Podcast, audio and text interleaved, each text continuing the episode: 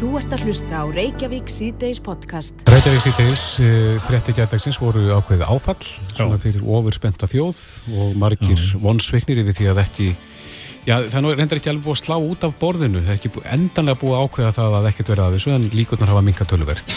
Það er erfitt að gera plön. Já, það getur verið það.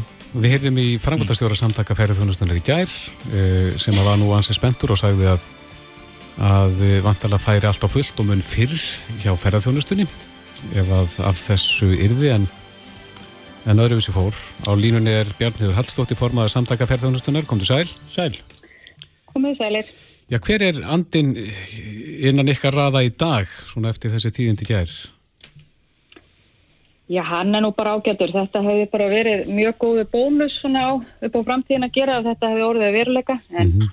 ég held að við höfum nú flest gert okkur grein fyrir að þetta var ekki höfn. Já, og stilt væntingum í hóf. Stilt væntingum í hóf, maður er svona vanið því í, í þessum COVID-faraldri að, hérna, að taka á móti alls konar fréttum og síðan vonbröðum í kjálfarið, þannig að, þannig að við höldum bara áfram á þeirri braut sem við erum núna og horfum núna á fyrsta mæ sem svona möguleika til viðsnúnings og viðspyrnu. Hvað gerist þá?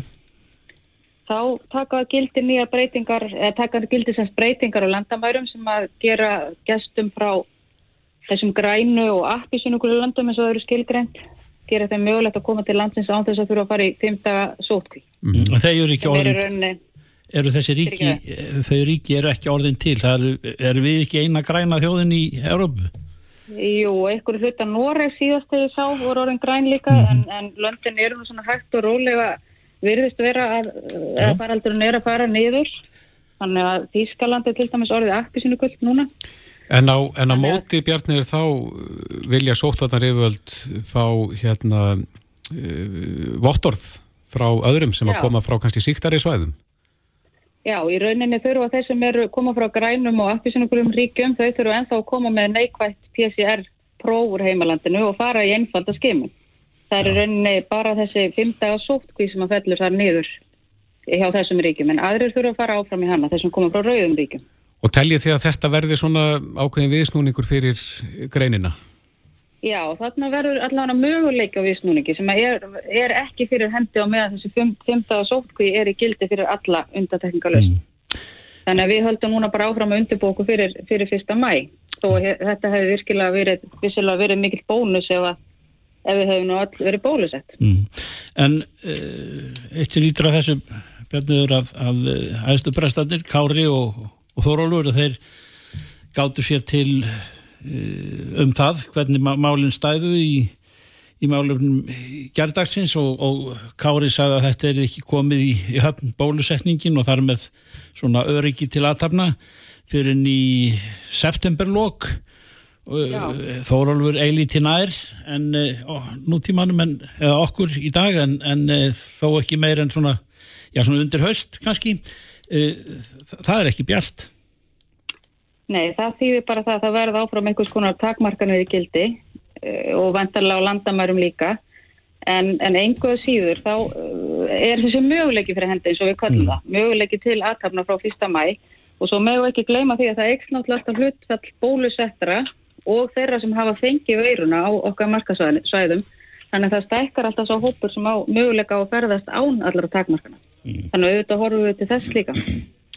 Já og að það sé þá ákveðin ferðavilji hjá þeim hópi.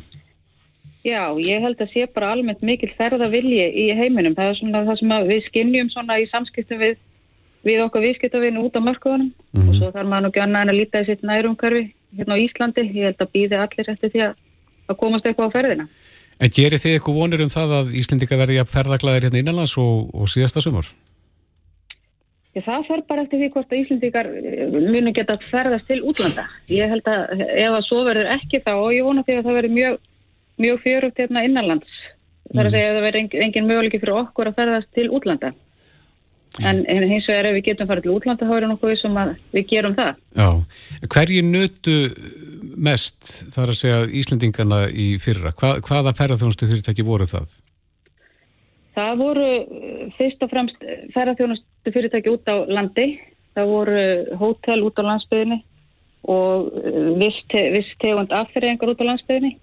En hins vegar voru fyrirtæki eins og hérna í Reykjavík, uh, hótelin og svona sem hafðu ákvæmlega lítið af af þessu að segja Mhm. og sömulegis mörg fyrirtæki sem engungu þjóna erlendu ferðamönnum sem eru bara mjög mörg Já. og líkt sínileg svona hérna innanlands. En hvernig hafa þessi fyrirtæki það í dag eins og við tölum um hótelin? Eh, Er að verða breyting á því það nú er það e, bjóði í hótel sögu í Reykjavík og svona kannski eh, það flýgur fyrir svona alls konar tröllasögur um það að það sé verið að kaupa það skiptum eigundur allt hent og, og kannski breytum starfsemi. Já, það er náttúrulega svo sem ekki þetta alhaf um það hvernig einstöku fyrirtæki hafa það en auðvitað eru flest fyrirtæki í ferðarþjónustu komin í þrönga stöðu eftir eh, nánast þekjuleysi í, í já, hátt í eitt ár. Mhm. en, en það er náttúrulega mjög misjámt eftir stöðu hvers, hvers fyrirtækis fyrir sig og, og afstöðu lánadrottna og, og svo þess áttar hvernig hvert og eitt fyrirtæki stendur og svo megum við náttúrulega ekki gleyma því að aðgeri stjórnvalda hafa reynst flestum fyrirtækjum vel og hafa orðið til þess að það er ekki fleiri komin í gjaldrótt heldur, heldur en orðið er. Já. En Bjarni, þú ert... bara- Já, fyrir göð. Nei, alltaf leið. Nei, ég segi þú ert eh, formaður samtaka ferðarþjónustunar en þú ert líka og átt fyrirtækið Hekla Travel sem er að selja útlendingum. Kalla travel. Kalla Travel. Kalla. Já, fyrir ekki. Það er næsta fjall. Eh, Hérna, sem er að selja ferðir hingað til hans. Hvernig stendur þitt fyrirtæki til dæmis núna? Hvaða starfsemi, er einhver starfsemi í gangi þar? Já, við erum með starf sem annars vegar í Þýskalandi, þar sem við erum að selja ferðir til Íslands og síðan uh, hérna á Íslandi, þar sem við skipulegjum ferðir fyrir þjóðverja á Íslandi og við bara skrúum starfsemina eins mikið niður og við gátum á báðum stöðum, þannig að við erum með miklu færa starfsfólk núna og, og umsvið öll í algjöru lámarki, við höfum til dæmis ekki tekið mútið gestum hérna, hérna á Íslandi síðan í september. Mm Þannig að við höfum bara eh, miðast allt við það að þreja þorran og, og, og halda glóðunum lifandi þangar til við vonandi getum fara að taka mútið gestum í mæ eins, og, eins og framkom á þann. Er vinnuaflið eh, sem hefur þurft að þurft frá að hverfa eða, eða ekki pláss fyrir það en þá en er það aðgengilegt ef að, ef að þegar flóðgáttinn brestur og þetta kemur allt 1, 2 og 3 Já, ég, það ætla ég að vona og það er bara mjög mikilvægt fyrir ferðarþjónustuna að geta ráðið inn eh, starfsfólk með reynslu rætt og vel þegar, þegar að það er að kemur af því að það eru mikil verðmætti í, í mannauðinum, ekkit, frekar heldur, ekkit síður heldur enn í fastegnunum þannig að uh, við vonum það að þetta geta gengið að okkar starfsfólki þegar, þegar stíplan brestur á lókun. Já. Bjarniður Hallstóttir, formaður samtaka ferðarþjónustunar. Takk fyrir þetta. Takk, takk. Takk sem við leiðis. Þú ert að hlusta á Reykjavík C-Days podcast. Já, ég er Reykjavík síðdeis. Það er óvægt að segja að þjóðin hefði orðið fyrir nettu áfall í gær þegar að frétti barast að því að, að já, eins og Þórulur orðaði að hann er nú ekki búin að slá þetta alveg út af borðinu Nei. ef ég skilna rétt í gær. Það er svona pínulítil vonaglætt eftir en, en möguleikarnir hafa minkað og líkurnar. en það er eins og einn minn minn sagði um í síma það er eins og maður sé þunnur Í dag? Já, sömur líðu þannig. En Þórulur Gunnarsson er á línunni, kom til sæl. Sæþórufur Já, sælir. Já, hvað var það sem að réði úrslitum? Var það þessi lága tíðni smita í landinu? Já, sko, þannig að fyrst, uh, sko, bara að segja, það, það var ekkit í hendi og þeir voru svo sem ekkit, það var ekkit, þessa, allir þessar sögursagnir menn voru búin að spenna þetta allt og hátt upp og, og það var ekkit í hendi og það var sama, þú varum að reyna að segja það, en, en það var náttúrulega búið, þessar umræðu byrjuðu í desember, um miðjan desember, þegar að þá voru 20-25 tilfelli hér á dag sem voru að greinast Mm -hmm. og, uh, og síðan þegar þetta fór að svona minka hjá okkur uh, tilfelli fór að fækka að þá greinilega fór þeim að finnast að það væri kannski ekki nógu mörg tilfelli til að, til að sí, geta svara þessum spurningum sem þeim fannst áhugavert að svara Letu þeir vita strax af því þegar að þarna í desember? nei, nei, það kom einlega ekki fyrir bara núna sko í, í á fundinum í gær En er það ekki svolítið einkennilegt? Eh, Þeir hafa vantalega fylst með gangi mála hér og hvernig staðan var. Jú, jú, ég veit ekkert nákvæmlega hvernig það var hjá þeim en ak ak hverju og svona en þetta var bara, var bara hérna, samtalið í gerð, það var bara mjög gott samtalið við það og allt svoleiðis og þeir eru allir hreinskilnir og allt í fína og, við, og þeir sögðu svo sem ekki endanlegt nei en, en á öllum viðræðunum mátti skilja bara það að þeim fannst þetta ekki vera þess virði að fara út í þetta. En getur þú skýrt út fyrir okkur og kannski bara sem leikmönnum, af hverju er það ekki físilegt að, að það sé ekki fleiri smitt?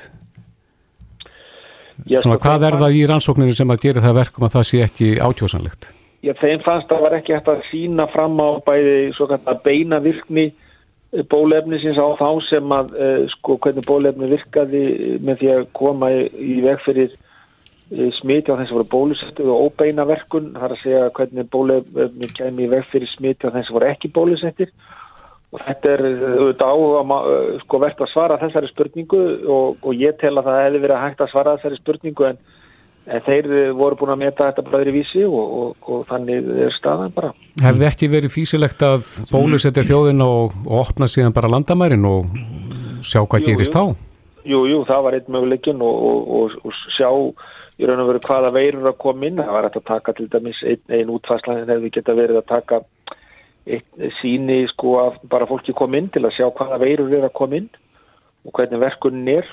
E, og, jú, jú, við fórum í hérna með þetta allt saman en, en þetta er bara þeir hafa, hafa sína sko hérna skoðanir á þessu náttúrulega og, og það er ekkit, ekkit bara við því að segja og, og þeir, við, þeir ætlaðu að senda okkur endalegt svar nú næstu dögum og, hérna, en, en, en umræðan var á þeim nótum að, að, að, að þetta er harla ólíklegt.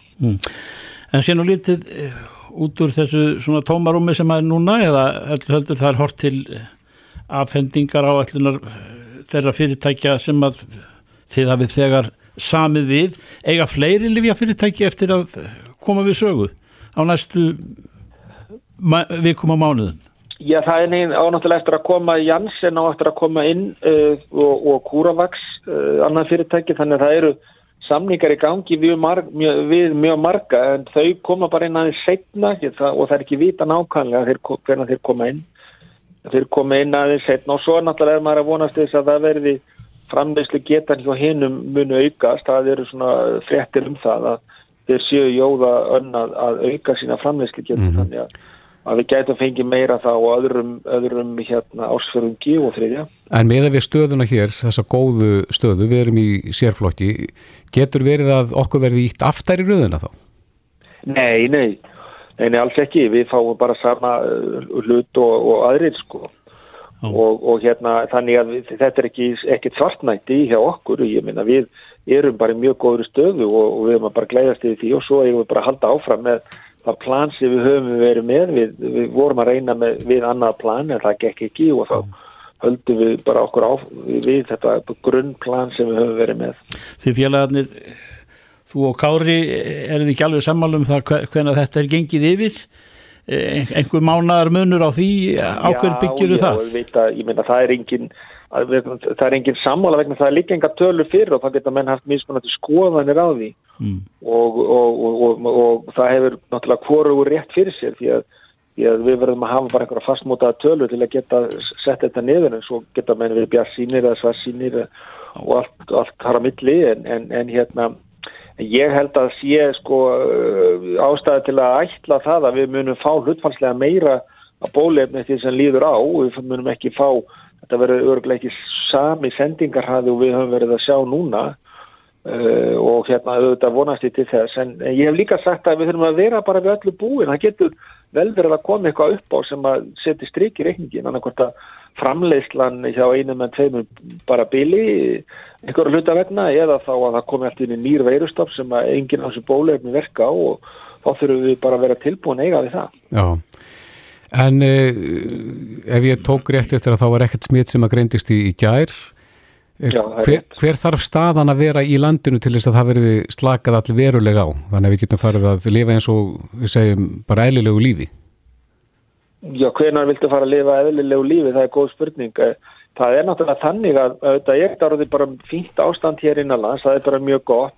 Við erum að eh, helst áhættan er svo að ef við förum að slaka mikið á, að það fara að geta komið inn smit í gegnum landamærin sem allt inn er læðið sér út í samfélagið og í þessu slaka ástandi farið að breyða úr sér og smita og þannig að við erum svona að hugsa hvernig við getum hertaðins á og, og, og tryggt á landamærunum að við fáum mikið meira smitt og ég held að það bara, við þurfum að fara rólega í þetta en, en ég held að það fara að líða því bara, ég veit ekki hvenar en, en við erum auðvitað að stefna í þá áttina. Mm.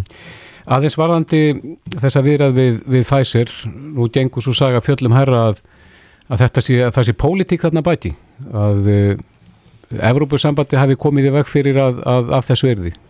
Hefur þú heyrt þessa sögu? Nei, nei, ég hef ekki heyrt það og ég veit ekki um það og, og, og, og hérna bara þetta getur bara verið eina af þessum mörgu flökkusögum sem hafa verið í gangi og ég veit ekki um það hvort það sé nokkuð fótu fyrir þessu. Nei, þú hefur ekki þá tilfinningu svona með að við hvað þetta endaði snöggli í gæra að eitthvað hafi komið upp á svona bak við tjöldin? Ég veit það ekki, það, maður veit aldrei hvað að gerast bak við tjöldin sko. Nei. Nei. En í, í heiminum í dag, ef, ef drefnum við fætt í Danmarku, Breitlandi og Bandarækjunum, er, er það, þetta er allt í hæstu hæðum þar, smitt? Já, þetta hefur náttúrulega eitthvað ekki alveg, þetta er ekki, þetta er stef, kurvanstefnun ekki beint upp hjá þeim, ég held að þetta sem er skilst að þá hefur svona hægst á þessu hjá, í flestum þessu löndum og það er bara ánægilegt en það var líka verið allverulega harðar aðgerðir í þessu löndum og og vonandi fer það bara að skila sér þetta er náttúrulega ekki gott ástand í mörgulöndum En er ekki hluti af þessu góða gengi okkar þórólu hvað við erum fá? Hvaða er auðvelt að bregðast við og, og bregðast snögglega við?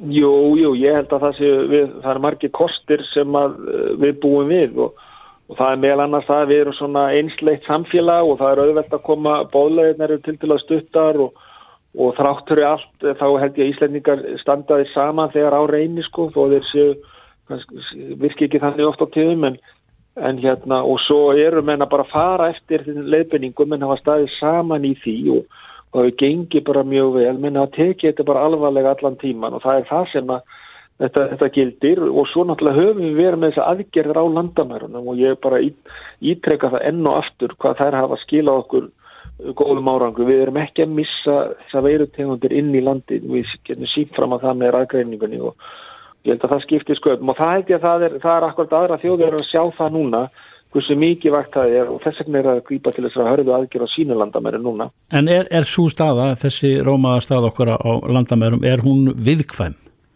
Ge já, getur, já, er, er, er hægt að leka inn í landin? Já, já, það er alltaf hægt að leka og, og allt það sem við erum að gera er að lámarka áhættun á við sjáum bara þriðja bylgjan sem erum búin að eiga við síðan um miðjan ágúst sem er búin að valda öllum þessu vandamála þetta er einu veiri tegund fyrst og fremst sem að sennilega komum með bara hérna einu eða tveimur einstaklingum, hérna einu landamærin og, og svo þessi veira næra breyða úr sér á þess að menn verða varið við og svo allt innu springur hún út og og, og er að valda þessum vandamálu þannig að það þarf ekkit meira til.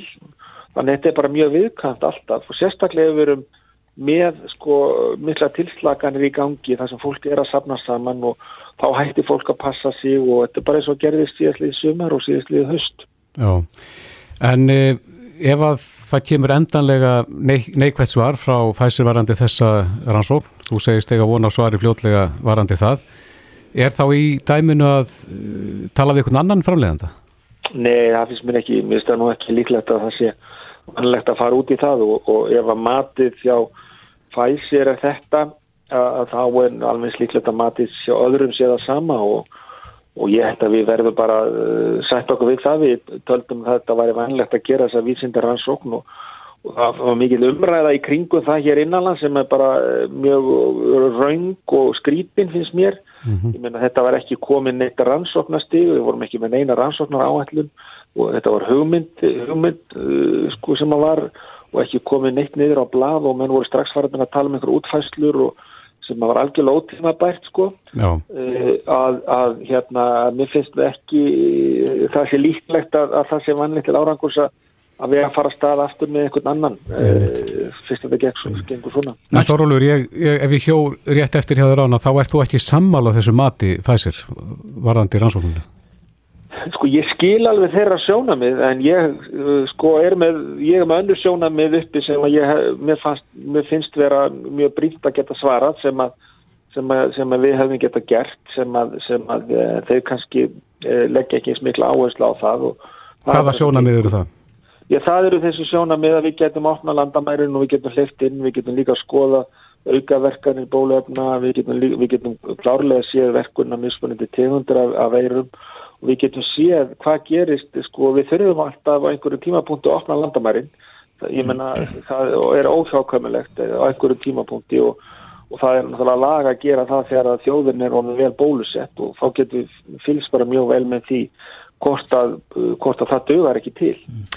Næstu tilslaganir Ertu búin að skrifa brefið til nei, nei, nei, nei, ég er ekkert búin að því og reglugerðin hún gildir til eitthvað, eitthvað þriðja mass eitthvað svo leiðis og, og hérna og þetta er alltaf verið að hugsa og ræða málinn og, og mm -hmm. hvort að eða vel gengur og við, við fórum að staða núna með tilslaganir áður en að síðasta reglugerðan út og, og það getur vel farið að það verði svo aftur og þannig að maður veit aldrei. Næ, næ, Þórólur Guðnarsson, svo þáttanleiknir, kæra þakki fyrir þetta. Takk Þórólur. Já, sömulegis, takk, takk. Hlustaðu hvena sem er á Reykjavík C-Days podcast. Jæja, stjálfum okkur aðeins inn á netið. Eh, Sigurjón Þórðarsson, fyrirvendir þingmaður, hann eh, setur fæsliðin á fjöspókasíðu sína þar sem hann spyr hvers vegna er ég vaktaður af köpfélagi skaffirðinga? Já, það er það ekki aðeins sem hann á áhengi miskilt við? Ég reyndar ekki, en, en eh, fæslan, hún er eitthvað á þessa leiði, við lesum aðeins hérna. Mm -hmm. Í mhm. gær fór ég inn á mína síðu hjá Kreditið Info og þar blasti við mér til mikillar undrunar að ég er vaktaður á tveimur aðilum, það er að segja köpfélagi skaffirðinga og landsbankanum og sérstök vöktun kaupfélags skaffinninga og landsbankans og fjármáli mínum er æði undarleg. Þar sem ég er nú ekki í neittni skuld við kvoruðan aðilan að vísu er ég með kreditkort hjá landsbankanum e, með heimild upp á 500.000 og á í óverulegum reiknisviðstjöftum við kaupfélags skaffinninga þar sem að mér er til efs að heildar uppæð álsins ná í 300.000 krónum. E, það sem er óþægilegt við þessa tilgangslösu upplýsingasöfnun er að ég hef ekki verið látið vita af henni. E, mér finnst að vera lámars krafagagvart þeim aðilum sem ástunda vöktun, það er að segja kaupfélagi skaffinning og landsbankunum að þeir láti viðskiptavinni sína vita Já. E, að það sé fylst grann með. Það er óþægilegt að fá það uppgifið að maður sé vaktaður og veit ekki af hverju. Já, eða hvað, á línunni er Sigriður Lauvi Jónsdóttir, lögfræðingu Kreditinfo, kom til sæl. Sæl. Já, sælur og blessaður. Já, það er spurt, af hverju eru menn vaktaðir á, á þennan hátt? Já, það er kannski, við tjáum okkur að sjálfsög ekki um einstaklega mál en, en þarna svarar í rauninni þessi fyrirverandi þingmaður svolítið spurningunni. Mm -hmm. Hann er þarna í viðskiptum, annars vegar Viðlandsbankan með að opna heimild á kreditkortinu sínu og hins vegar í reikningsviðskiptum við kvöðfélagskafferinga. Það er þannig að kreditinfo er fjárhásupplýsingarstofa sem starfar samkvæmt leiði frá persónuvend og við rekum meðal annars svo kallega vanskilaskrá. Og til þess að hægt sé afla upplýsinga þessari skrá þá þurfa menn annars að vera áskrifundur hjá okkur og gangast undir áskrifta skilmála uh mhm. -huh. og hins vegar þurfa menn að hafa þess að lögvarða hagsmunni til að sækja upplýsingarnar. Og þeir eru til dæmis fyrir hendi ef að ég er með lán hjá bankanum, ég er með kreditkort eða ég er með reiknisviskeitingsstar. Já. Vöktunin er rauninni þýðir að það eru bara verið að veita upplýsingar og það breytist eitthvað í högum viðkomandi. Þannig að í staðin fyrir að þessir aðila sem hafa þessa lögverða hagsmunni séu kannski að fletta viðkomandi upp eins og í mánuði eða eins og í viku eða ásfjörðslega eða hvernig svo sem það er gert, mm -hmm. þá fá þeir bara tilkynningar um það ef einhver breyting verður á vanskilaskráni. Og það er kannski bara allir eðlilegt ef að ég er með heimild einhverstaðar upp á miljón eða tvær eða hálfa miljón að viðkomandi aðili geti brúðist við ef einhverja breytingar verða. Kannski lækkað heimildina eða eitthvað slíkt. Já. Þannig að þetta, þetta er svona megin, megin málið. En, en er eitthvað skilda á ykkur að láta vita e, þann sem er í vöktuninni, að, að hann sé vaktaður?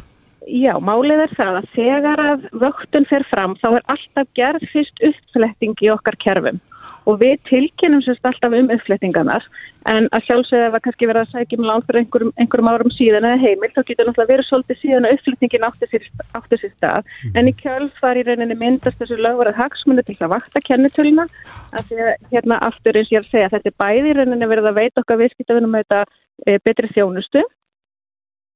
Jáhá Og hins vegar er líka þarna og það sem er ekki síður mikilvægt er að þarna er bara verið að draga úr vinslu persónupplýsinga. Það sé ekki verið að fletta fólki upp í rauninu óþarlega oft, heldur bara tilkynna um þessar breytingar. Mm -hmm. En hvar getur fólk fengið að vita hvort að það sé vaktað af einhverjum? Já, og þetta er mjög, mjög góð spurning. Við erum með þjónustu vef sem heitir Mikkreditinfo og þar fyrir fólk inn með ráðrannu skilurikim og getur því engangu séð sínar persónupplýsingar og reyndar upplýsingar líkum fyrirtæki sem þau eru tengt og þar er hægt að sjá meðal annars hvaða aðilar er að vakta kennitöluna og þetta ætti þá alltaf vera aðilar sem að viðkomandi er í viðvarandi viðskiptum við, þú veist bankin vinn eða eitthvað slíkt. Mm -hmm. Nú ef að þú ert ekki viðskiptum við þannan aðila sem er að vakta þig að þá sjálfsögðu gerur þau aðtóðsend og við tökum þær alltaf til okkur og, og förum þá til okkar áskrifund og fáum skýringar á vaktuninni. Já. en er eiga sér alltaf fær skýringar að viðkomandi er í viðvarandi viðskiptum Já. og ef að menn eru kannski með eins og segja einhverja úttektarheimil til einhverjum aðlur sem þeir eru ekki að nota að þá er heimildin til staðar að vakta því að hagsmunum eru þarna til staðar.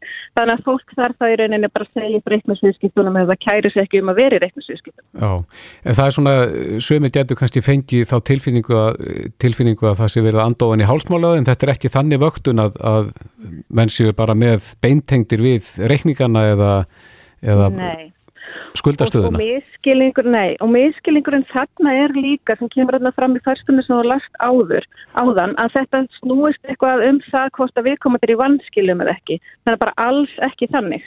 Þetta snýra ekkit af vanskilum, þetta snýra því að sá sem hefur lánaði peninga, hann hefur lögvara hagsmunni að fylgjast með stöðuðinni og fylgjast með, hann fær það bara upplýsingar af eitthvað breytist og þess vegna vöktunin í rauninu svo gott tæki, betra tæki heldur en að við komum til þess að flett upp kennitölni. Mm -hmm.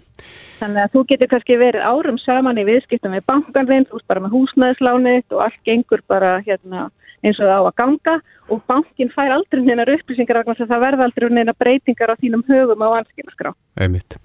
Sigriður Lauvi Jónsdóttir, lögfræðingur Kreditinfo. Kæra þakki fyrir þetta.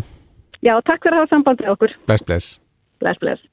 Reykjavík síðdeis á bylginni. Reykjavík síðdeis á bylginni, eins og framöðu komið að þá eru margir mjög spældir eftir tíðindi kjærdagsins, þar sem að líkurnar á samstarfi Íslands og Fæsir þykja að hafa minkað til muna. Mm -hmm. Þó að ekki sé öll nótt úti en við hefum í Þóróli eins og þau segir, hérna á síðasta klukkutíma og hann segir að loka svar komi innan tíðar. Já, innan tíðar getur nú þýtt ímislegt en, en e, vist er að, að eh, þarna hefur allþingi eða stjórnsíslan eh, með litlu leiti komið nálagt þessu. Þar að mhm. segja eh, það vakti aðtikli að, að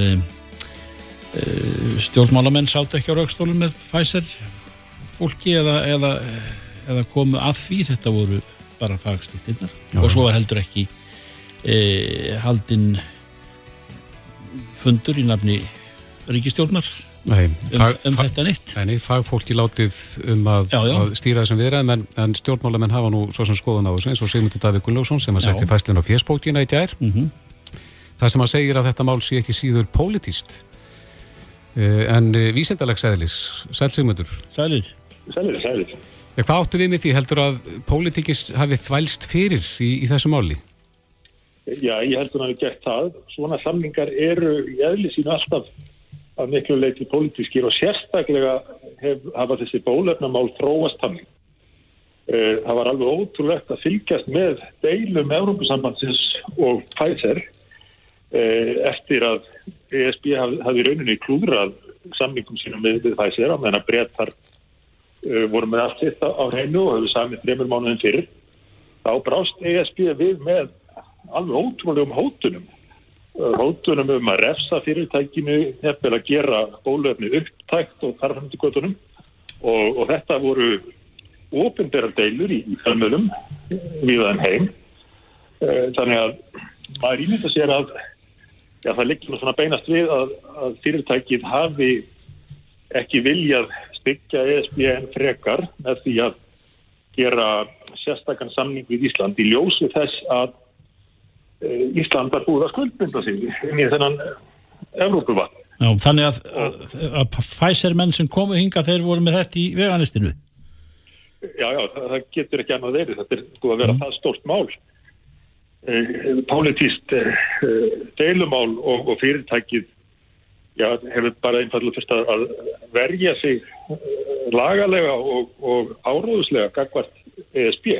Þannig að maður ímynda sér að þeir hafa nú kannski síður viljað bæta þessu við fyrst að Ísland var komið þarna inn inn í þessa Evrópu lest en þar fyrir utan eh, þá auðvitað er ekki hægt með góðu móti að, að semja um svona, svona mál nema með beitni aðkomi stjórnvalda Það var tilfellið í Ísrael.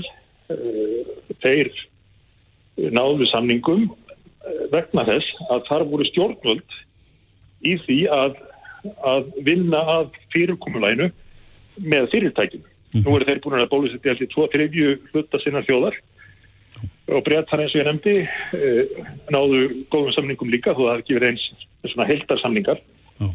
en, eh, en þetta klárast ekki nema með beitni aðkomi stjórnmálum. En nú hefur það komið fram í umræðum um þetta að fósættisáþur hafi setið fund með vísindumönnunum okkar og, og fæsir?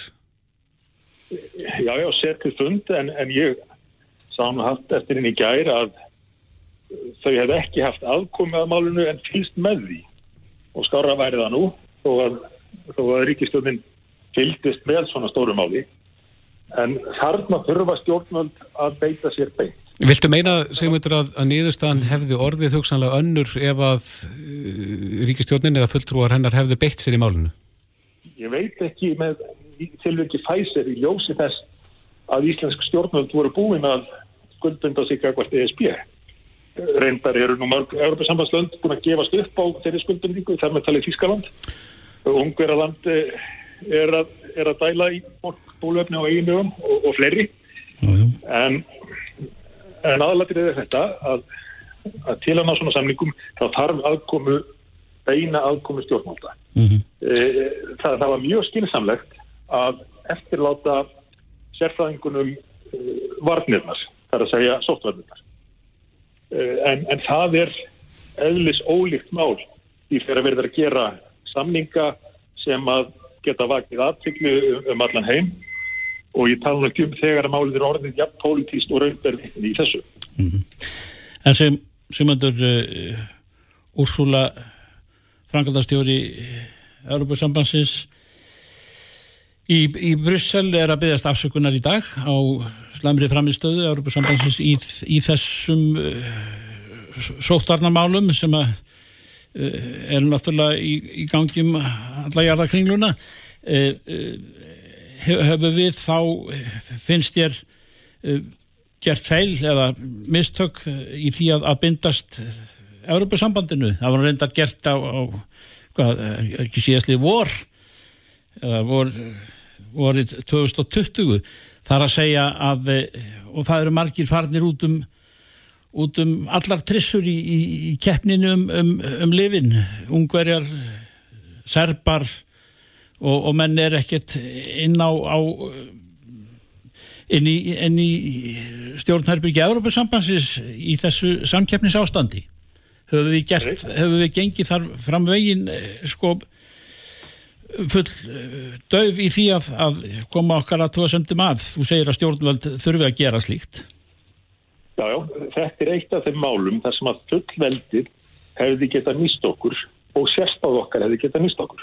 Og það er svo sem hægt enn þó að þetta bælist fyrir en, en eins og þú nefnir uh, það eru land þannig innan Európa-sambandsins, Ungurland, Ískaland og, og fleiri sem að eru raunin búin að gefast upp á þessu klúri þannig að því skildum við ekki gera það líka eins og eins og lönd sem eru, eru aðeilað á sambandinu. Eh, aðalatrið er að við hér á Íslandi þurfum ekki nema til til að mjög fá að skamta til þess að það hafi áhrif á heilt samfélag, heila þjóð. Og í því hljóta felast mikil verðmætti því að burtið frá öllum niðurstöðum rannsóknar sem út úr þessu geta komið og þær geta verið ímsar eins og farið hefur verið yfir þá væri það bara svo mikilvægt fyrir heimsbyðina að sjá að þetta virki. Að það sé hægt að bólusetja þjóð sem að geti þá opna landamærin og mann geti farið að lifa eðlilugu lífi það væri til þess fallið að draga úr óvissu annar staðar, búa til meiri bjartsinni, meiri von um að jú þetta líður hjá. Það er hægt að gera þetta. Og Ísland er kjör dæmi til þess fyrir utan öll áhrifin sem að eruðu af, eh, af rannsóknum. Mm -hmm. Sigmundur, þú kallar eftir aðkomu stjórnmálamannana og ráðamanna í þessu. Hvað er hægt að gera nú? Hvert finnst þér að þeirra hlutar hér að vera hér eftir? Nú á að leita til annara fyrirtækja og helst uh, fleiri fyrirtækja en, eins og sama tíma uh, og stjórnmöldlega þá að búa til þetta case, svo ég sletti, þar að segja búa til þá mynd sem að uh, má verða til þess að, að fyrirtækjum telli þetta eftir sóknar verst og við getum borgað fyrir bólefnið, allt í lagi með það. Viltu þetta að, að, að stjórnvöld leiti til annara framleiðanda með svona rannsók? Tvímæla laust, því að nú er að koma inn uh, nýbólefni þurfa að bætast við, hjátt og fjett og sum þessar efna eru utan þessara Evrópu sambandstakmarkana, það er að segja uh, skuldbyrting okkar gagast ESB, mm. það náður bara til ef mann tryggja. Erum við ekki ennþá samningsbundnir ESB hvað þetta? Ég meina... Já, samningurinn nær mér skilst uh, bara til tiltekina bólefna. Mm -hmm. Hvort, hvort, hvort það var ekki Pfizer, Moderna og AstraZeneca, ég, ég er ekki alveg viss með það, en allavega þá er okkur heimilt óháð þessu að, að leita til annara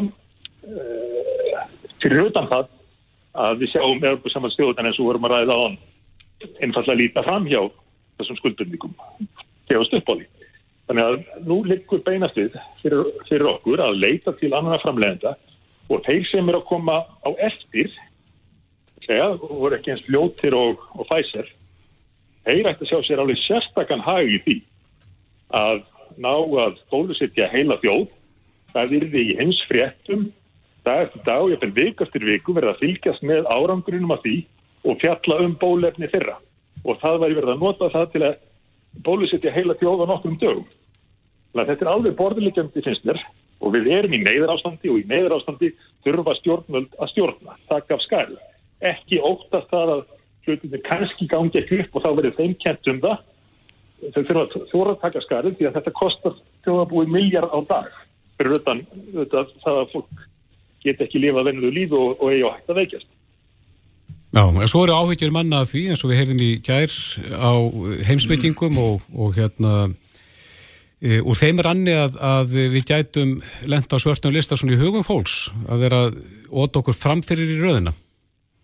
Já, ég kaupi nú ekki þessi rög eða þetta sé eða einhvern nátt sinnferðislega óeðilegt því að þróunarlöndin hafa gríðarlega hagsmunni af því að uh, hagkerfi Vesturlanda komist aftur á stað. Þá voru þau líka betur í stakk búin til þess að aðstóða. Brettar sem að voru eins og ég nefndi á hann fljóttir til að, að, að tryggja sér bólöfni. Þeir eru núna búin að lofa meiri stuðningi við þróunarlöndin í, í bólusetningu heldur en Európusambandi samanlagt. Þeir eru utan það að uh, aldurshópurinn á eða aldurstreifingin á Vesturlöndum er þannig að, að við erum með eldstu mest af, af eldri borgurum.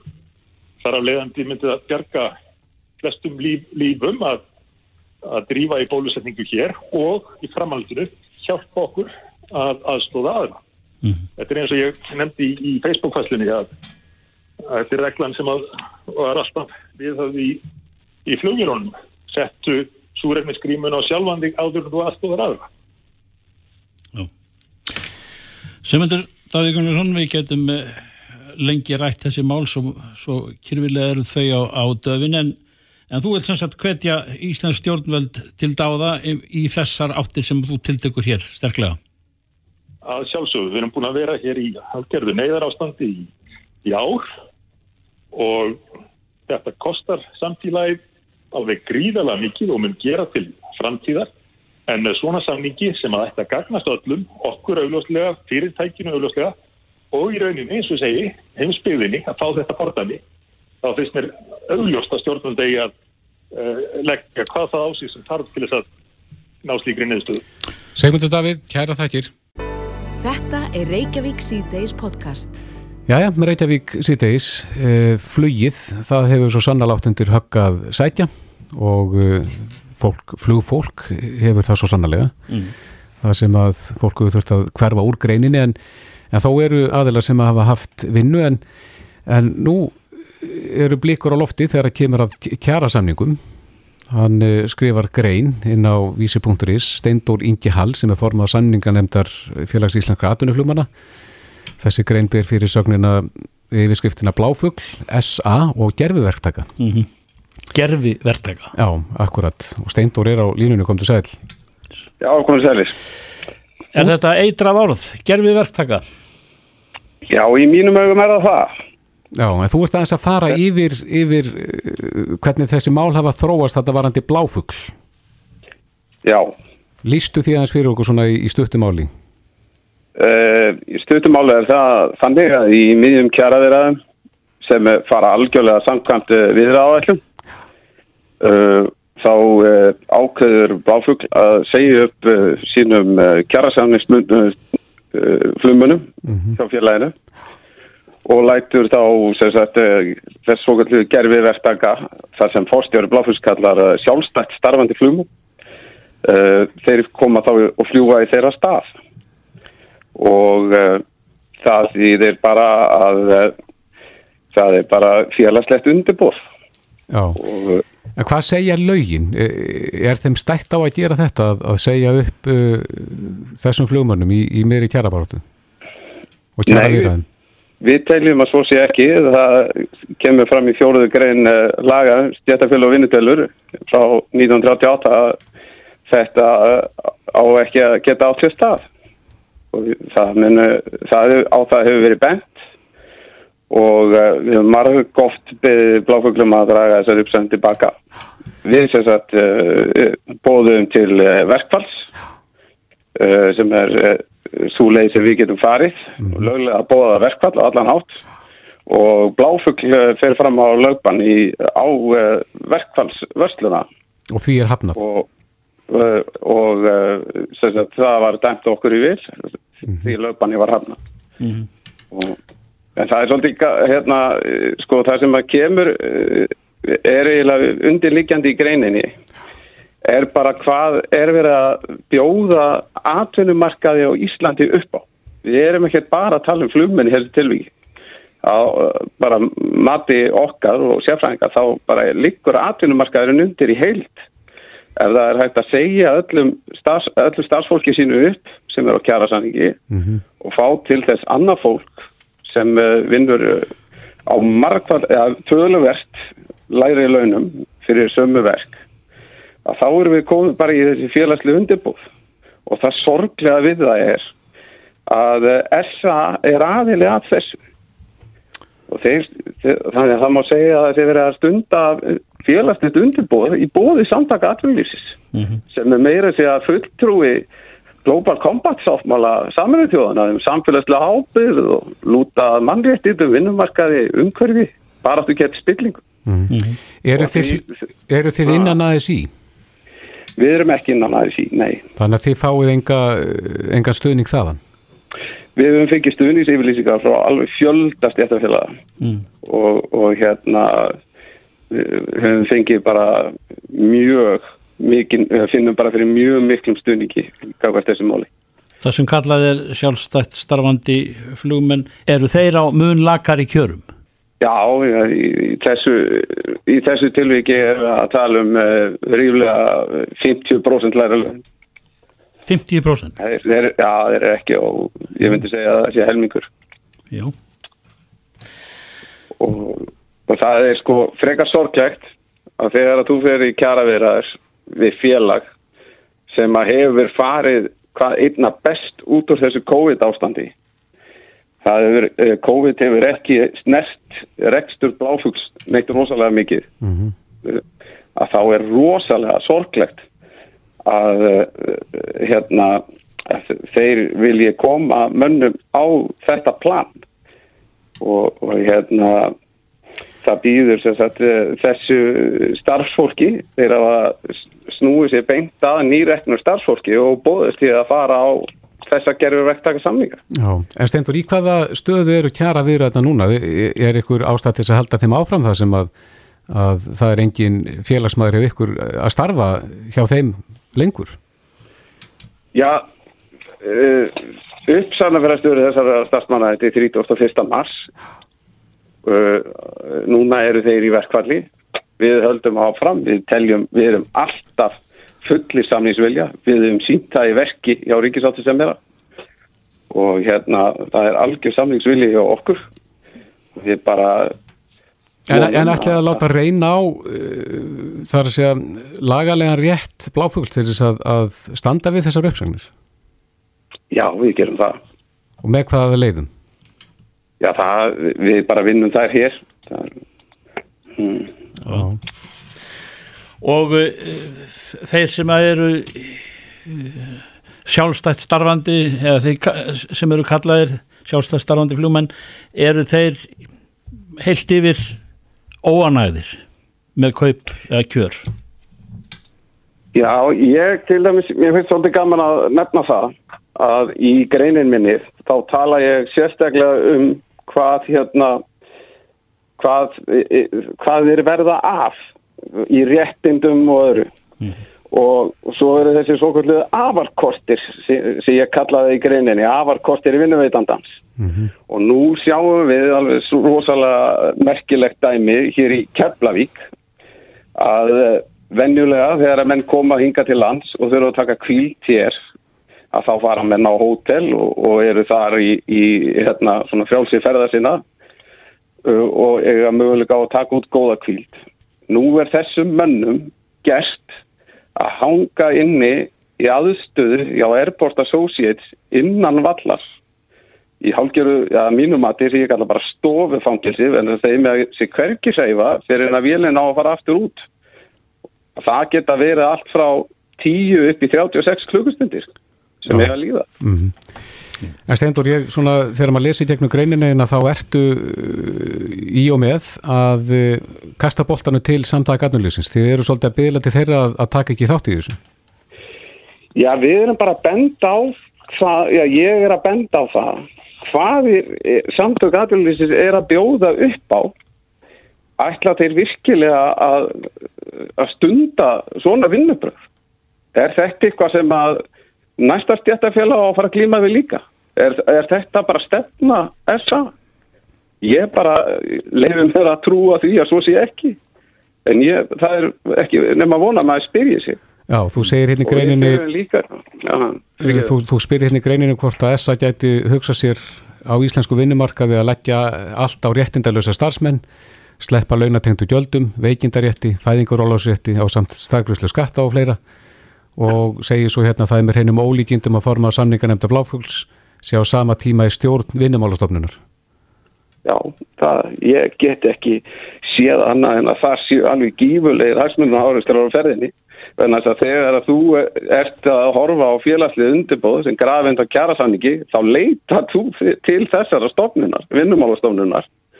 Og þá er ansi, já, það er, maður er nánast gráti næst, að þá er formaður samningan þetta bláfugs í stjórn vinnumálastofnunar. Mm Já. Ég get bara ekki séð að þetta sé í lagi, því miður. Steindur Ingi Hall, uh, þú ert formaður uh, kjara nefndar félags íslenskar atvinnur flugmanna. Kjæra þakki fyrir þetta. Takk, takk. Takk fyrir, takk, takk. Reykjavík síðdeis á Bilginni podcast. Jæja, Reykjavík síðdeis. Við fórum hérna með orðatildækið áðan, uh, barni veg sem brókin ekki. Mm -hmm. Ætli barnafatamarkaðurinn sé ekki sá markaður sem að blómstra hvað mest, sem er mest um að vera, svona þegar við líð, lítum yfir æfisteiðið. Já, er ekki sko, ringrásin er hún ekki hún svo öra því að þau vaksa krílinn fljótt og, já, já. og það er ómöld að hafa þetta í litlu krílinn í einhverju hólku í þau sem á að duga til árana það, þetta, þetta er það er ákveðin tísk í þessu líka en, Já, en já. fyrst af fremst er það kannski örvöxtur sem að Einmitt. kallar á örskipti En við fréttum að því að nú staði til að opna netverslu með notuð barnafutt og ekki veit ég hvort að það hefur verið gert áður en á línunni er Haldur að byrta viðæðstóttir sem að stefnir að því að opna núna einanskams Já. e, e, vefverslunina lolo.is. Kom til sæl. Sæl. Hæ. Er þetta, er þetta fyrsta svona netsala með notuð barnafutt? Um, nei, þetta er svona fyrsta sinna tegundar þannig séð að það er til önnur síða sem selur líka uh, notaðar fullorðinsflíkur og alls konar Mm -hmm. uh, svona allt í bland en þetta verður miklu meira svona innblíkt á sko batnaflíkur Já, akkurat. En tekur ekki undir það, er þetta ekki sá geiri sem að er hvað mestum að vera í þegar við lítum svona við fatageiran? Jú og núna síðast, á síðasta ári bara er búið að spretta upp sko alls konar netverslanir en það er allt saman nýtt sko. Mm og uh, en það er engin svona engin svona verslun sem sinnir til dæmis bara landsbyðinni eða, eða fólki sem að hérna, hefur ekki tök á að skreppa til og, og vesla nóti barnaföld þannig að ég held að þetta muni opna svolítið fyrir það, eða vonandi En byrju, hvernig gengur þetta fyrir sig? Getur fólk þá skráð sig þarna inn og, og þið verðið þá í rauninu svona milliliðir? Nei, í rauninni er þetta bara vörur sem ég er að selja Já, Eh, það er hægt að selja mér vörur ef að einhver liggur á einhverju sem að vil losna við að þú kaupir? en annars er já, uh, annars er ég bara að velja úr svona það sem að ég finn og er, er svona í toppstandi. Það finnst mér líka mjög mikilvægt að, að taka fram að þetta er allt svona mjög vandað og, og hérna vel með farið. Ertu komin, ertu byrjuð að taka móti flíkum? já, og ég er komin alveg langt að leið með að hérna safni lager og, og þetta gengur og bara skýt gengur. Þetta er bara Átt þú Þetta er bara börn og, tilbúið. átt þú börn og, og þekkir þú þessi þessa þörf eða það er bránaðsynlít að, að, að börnin fái född sem að hæfa þeirra stærð á hverjum tíma og þetta, þetta breytist ljótt Já, algjörlega. Ég er með eitt tryggjara og svo er ég með eitt á leiðinni, þannig að allt í einu er lífið manns fara að snúast um barnaföld og þetta er bara, þú veist, þeir týtur í gegn, þeir vaksa svo hrætt. Já. En svo þetta er það líka margir að, að krakkandi nota þetta í stuttan tíma og svo er þetta bara allt í einu komið inn í skúfu, inn í geimslu eða inn í skúr og, og sapnast þar upp svona bara ákveðin lager. Einmitt. Og líka það er svo lítið slitt á þessu af því að notað í svo stuttan tíma. Já. Þannig að þetta er er, já, en það er vantalega umhverfi sjónamið þarna bæti líka. algjörlega. Ég hérna sjálf vesla mikið notað og, og hérna og stið það, ég meina við sjáum bara eins og það er búið að gera einhver reikniformúli að þú kaupir notaðan bómullar stuttumaból og þá spara það um einhverja 2100 lítra vatni Já, já. Þannig að, hvað segir nú fata geirin samt? Það eru náttúrulega mörg fyrirtæki hér sem að lifa á sölu og barnafötum. já, algjörlega. Það, það er rosalega mikið af barnafatamerkjum sem eru svona í dýrari kantinum, svona mm. merkjavörur. Við Íslendingar, við erum mjög hrifin af merkjavörum, þannig að það er náttúrulega bara ef þú hefur tök á að kaupa er það nýtt að þá er það bara frábært. En það eru margir sem að vilja kannski kaupa merkjavörur og, og þurfa þá að leita í nota og þannig að ég til dæmis markaður fyrir það En eftir hverju þetta leita? Er þetta að leita allt inn í samfellur eða litla sokka Já, eða hvað? bara í rauninni horfi ég bara á ef varan er heil, ef hún er án bletta, án gata og, og svo gott sem bara ný að þá selja hana og ég reyni þetta að velja sko fyrir alla aldursopa og kyn en þetta spilast náttúrulega bara eftir frambóði hverju sinni. Hvenær ætlar að opna? Ég er að stefna því að opna bara nú næstu dögum. Ég er að leggja loka hönd á vefsíðuna. Hún er eiginlega bara svo gott sem tilbúin og hérna og vantar bara svona smá hérna áhuga fyrir þessu og svona vekja aðtegli og, og hérna þannig að fólk fólk viti hvert á að leita. Það ætlar að leita sér að nota um barnaföldum á nötinu. Já.